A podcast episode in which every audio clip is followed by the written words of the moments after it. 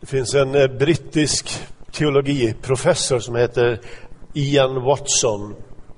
Eh, han är avliden sedan snart tio år tillbaka.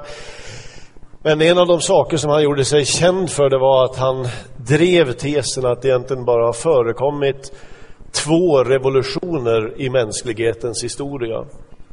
Otagliga, mindre lokala revolutioner, självklart.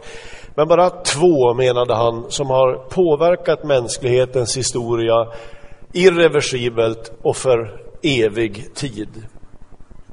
Den första, menade han, det var när människan upptäckte odlandet.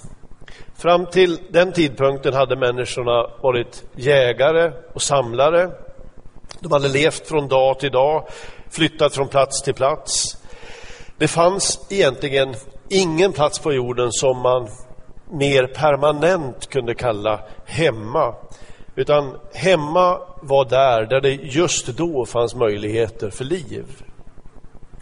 Detta fram till den punkt, när det nu var, när någon upptäckte att om man släppte ett litet frö i jorden och så gick därifrån, så hände någonting. Vanligtvis var ju det sättet på vilket man slängde bort saker eller gjorde sig av med saker, släppte ifrån det bara. Men inte nu. Någonting händer i jorden, någonting i jorden kallar på det här lilla fröet som om detta något viskar Vakna, skicka mig en liten, liten rot. Sen kallar någonting ovanför jorden på fröet och säger skicka upp ett litet skott. Och fröet gör det. Och fröet blir till en planta eller ett träd och det börjar bära frukt. Man skulle kunna säga att i det här ögonblicket så landar eller utvecklar detta lilla frö sin bestämmelse. Alltså det var detta fröet var ämnat till eller för. Men märk, detta kunde inte hända om inte fröet dog. Det är förutsättningen för den revolution som sen händer. Någon gång i historien så upptäcker människan det här. Det här är ju självklart så länge sedan att vi inte vet vem det var. Men detta var en revolution. Människan behövde inte leva längre från dag till dag. Hon kunde bosätta sig, det började växa upp byar, samhällen, städer, det började skapas konst och arkitektur, det skapades verktyg och civilisation.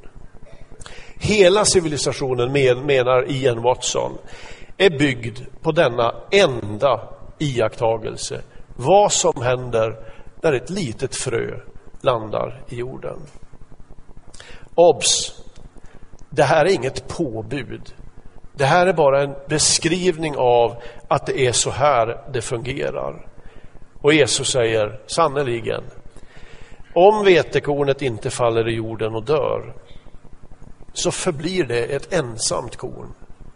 Men om det dör, så ger det rik skörd. Men det skulle komma en andra revolution. Den här gången vet vi revolutionärens namn. Vi vet var han levde.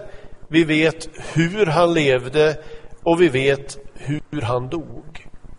Och med sin död och sin uppståndelse så är det som om Jesus säger det är så här det fungerar. Det är så här det fungerar med allt liv.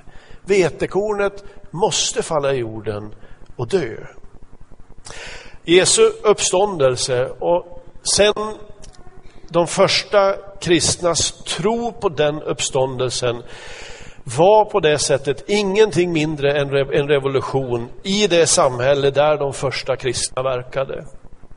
Minst lika förvandlande som odlandet. Det som växer ur uppståndelsetron är nämligen ett hopp. Inte hoppet om att allting ska bli bra, allting kommer att ordna sig som många andra sa. ett större hopp än så. Hoppet om att våra liv en gång, precis som det lilla såkornet, ska slå ut i full blom och nå sin fulla potential. Alltså det som vi var ämnade för. Och jag ska alldeles strax återvända dit.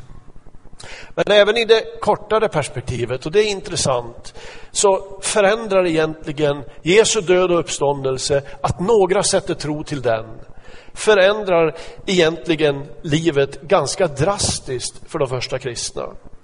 Man övergår ganska snart efter uppståndelsen från att mötas på sabbaten till att mötas söndag morgon i gryningen för att liksom ihågkomma och fira detta att Jesus uppstått. Johannes kallar den första veckodagen för Herrens dag. Alltså eh, den, den morgon när Herren uppstod och man kan riktigt höra hur de troende påminde varann om detta igen och igen, söndag efter söndag. De gjorde det för att komma ihåg det som hade skett. Men det var också ett aktivt sätt att förhålla sig till framtiden. Att söndag efter söndag mötas och säga till varann, han har uppstått. Vi ska också uppstå. Jesu första efterföljare började ganska snart förstå sig själva och se sig själva som en slags uppståndelsegemenskap. Varför? Jo, därför att de minns vad Jesus hade sagt. Men också därför att Jesus hade bekräftat det han hade sagt genom att uppstå från de döda som den första och tydligt sagt att vi andra skulle följa efter. I Johannes evangeliet, en text vi läste igår på vår tacksägelsestund, så säger Jesus så här. Och detta är hans vilja som har sänt mig. Att jag ska inte låta någon gå förlorad av dem som han har gett mig, utan låta dem uppstå på den sista dagen.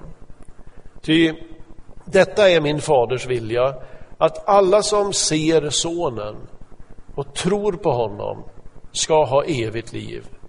Och jag ska låta dem uppstå på den sista dagen. Det tar inte särskilt lång tid, säger historiker, förrän den här tron börjar skapa samhällsförändring. Ett förändrat sätt att se på tillvaron på flera områden. I antiken var det enda sättet att liksom överleva döden, om man kan säga så. Det enda sättet var att bli hjälte. Alltså att göra någonting som var så heroiskt att ens namn på det sättet blev odödligt och så möjligen hamnade i historieböckerna. Ytterst få hade möjlighet till det. Men ett rykte börjar florera bland de tidiga kristna. De som från början samlades mer eller mindre i hemlighet. Ett rykte börjar florera om en annan bok. Den där de med de blygsammaste namnen kunde bli inskrivna. Där namnen från de fattigaste i samhället skulle bli outplånliga faktiskt. Och de kallade den för Livets bok. Märk hur kraften i uppståndelsen, i tron på uppståndelsen, nu börjar bli en murbräcka som börjar skaka orättfärdiga sociala skillnader i samhället. Plötsligt finns det en grund, en människosyn som säger att inför Gud och inför döden så är vi alla lika. Det yttersta tecknet på tillståndet i ett samhälle sägs ju vara hur vi tar oss an våra döda. Och det där är egentligen en väldigt intressant tanke. För om vi är tillbaka i den första tiden så även förfarandet runt döden förändras som en direkt följd av kyrkans tro på uppståndelsen. I antiken skildes de fattiga från de förmögna och rika i döden.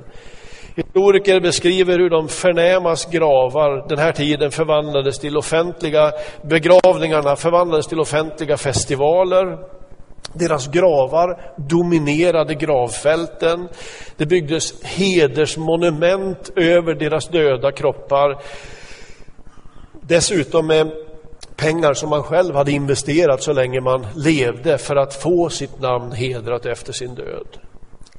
Detta i kontrast till att de fattiga vid den här tiden inte ens fick en egen grav.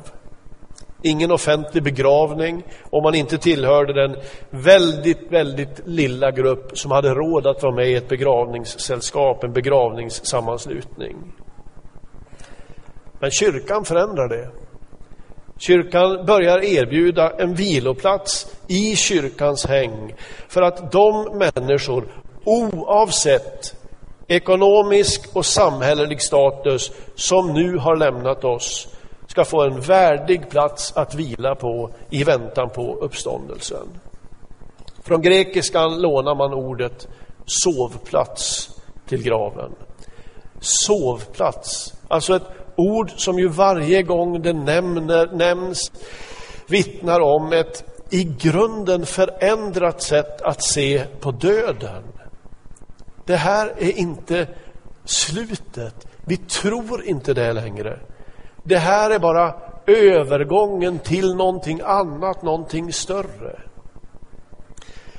Om exakt en vecka, nästa söndag, så ska jag medverka på Svenska Mässan. Det är, det är Svenska kyrkan tillsammans med begravningsorganisationerna i Sverige som arrangerar en mässa runt döden. Den har fått ett obeskrivligt vackert namn. Mässan heter Vilorum. Ett vackert namn, men det är också ett namn som är sprängfyllt av teologi.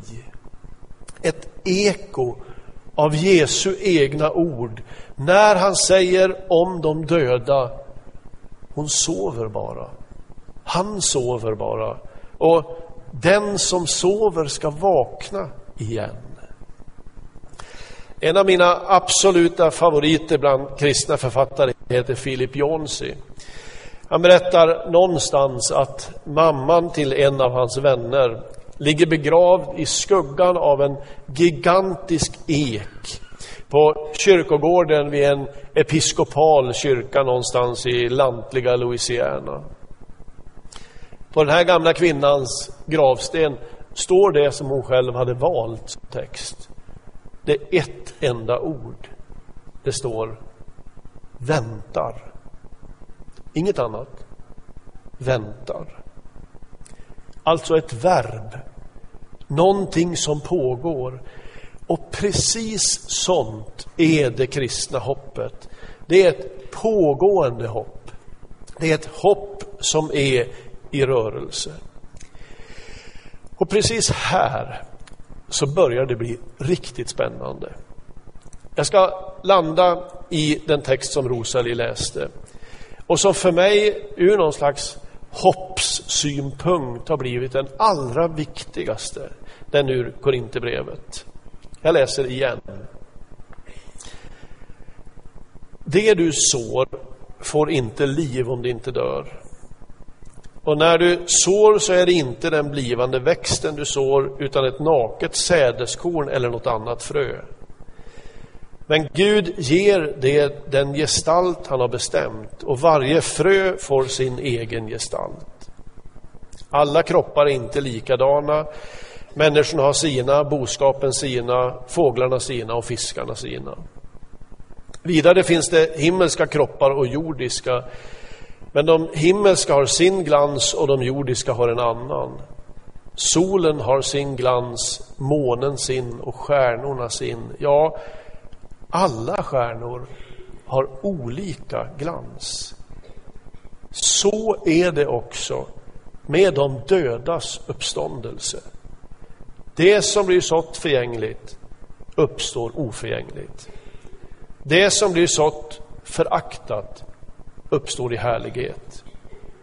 Det som blir sått svagt uppstår fullt av kraft. Det här är en av de vackraste och så vill jag säga mest fantasieggande bibeltexter jag vet. Hur allting i skapelsen, minsta lilla detalj, har sin egen gestalt, sin egen skönhet och hur detta bara ska förstärkas eller förhärligas i den eviga världen. Alla stjärnor har sin glans. Så är det också med de dödas uppståndelse.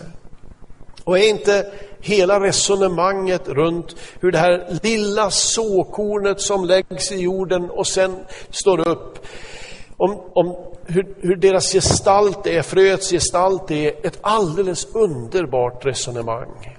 Detta att Gud ger det nakna fröet den gestalt han har bestämt. Och varje frö, står det, får sin egen gestalt.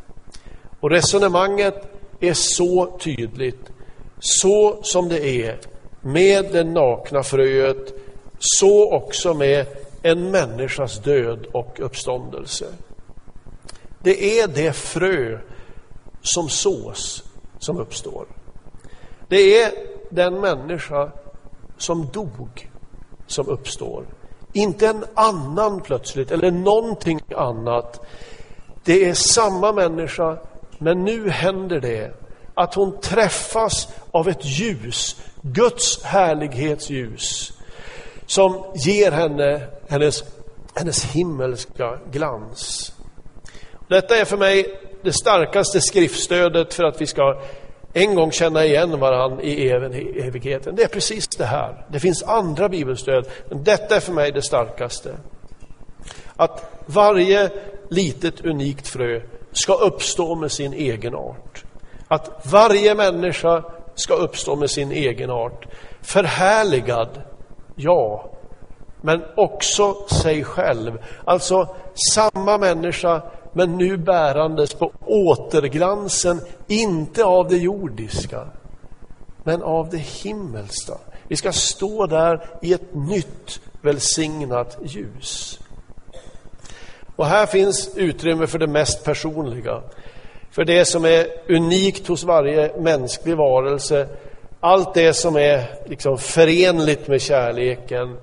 Föreningen med Gud sker inte på olikhetens bekostnad. Den människa som har sett vad som händer när en annan människa plötsligt hittar sin plats i tillvaron. Hittar, liksom hamnar i rätt jord.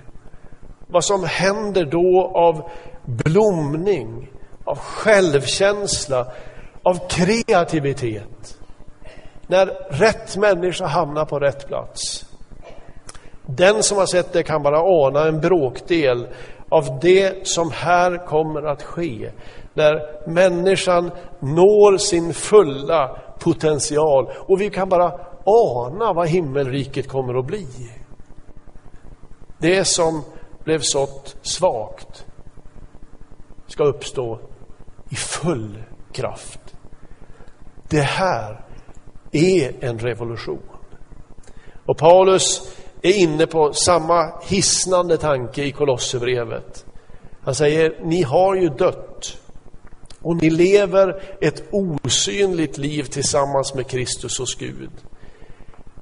Men när Kristus träder fram, han som är ert liv, då ska också ni träda fram tillsammans med honom. Alltså, vårt sanna jag, bakom alla övermålningar, bakom alla missförstånd, allt det där som vi kände, det här var inte jag, detta blev inte bra. Vi ska träda fram tillsammans med Kristus, eller framträda om man vänder på orden. Och så står hon där, människan i sin klarhet, människan i sitt esse. Och så tänker jag mig evigheten. Vilken fantastisk sång du hade skrivit Malena om himlen, om det där stora kalaset. Jag tänker mig det ungefär så här, evigheten som ett, ett hav av blommande människor. Ett hav av egenart, av olikheter, av stämmor i en kör som enligt Uppenbarelseboken bara har ett enda ämne för sin sång.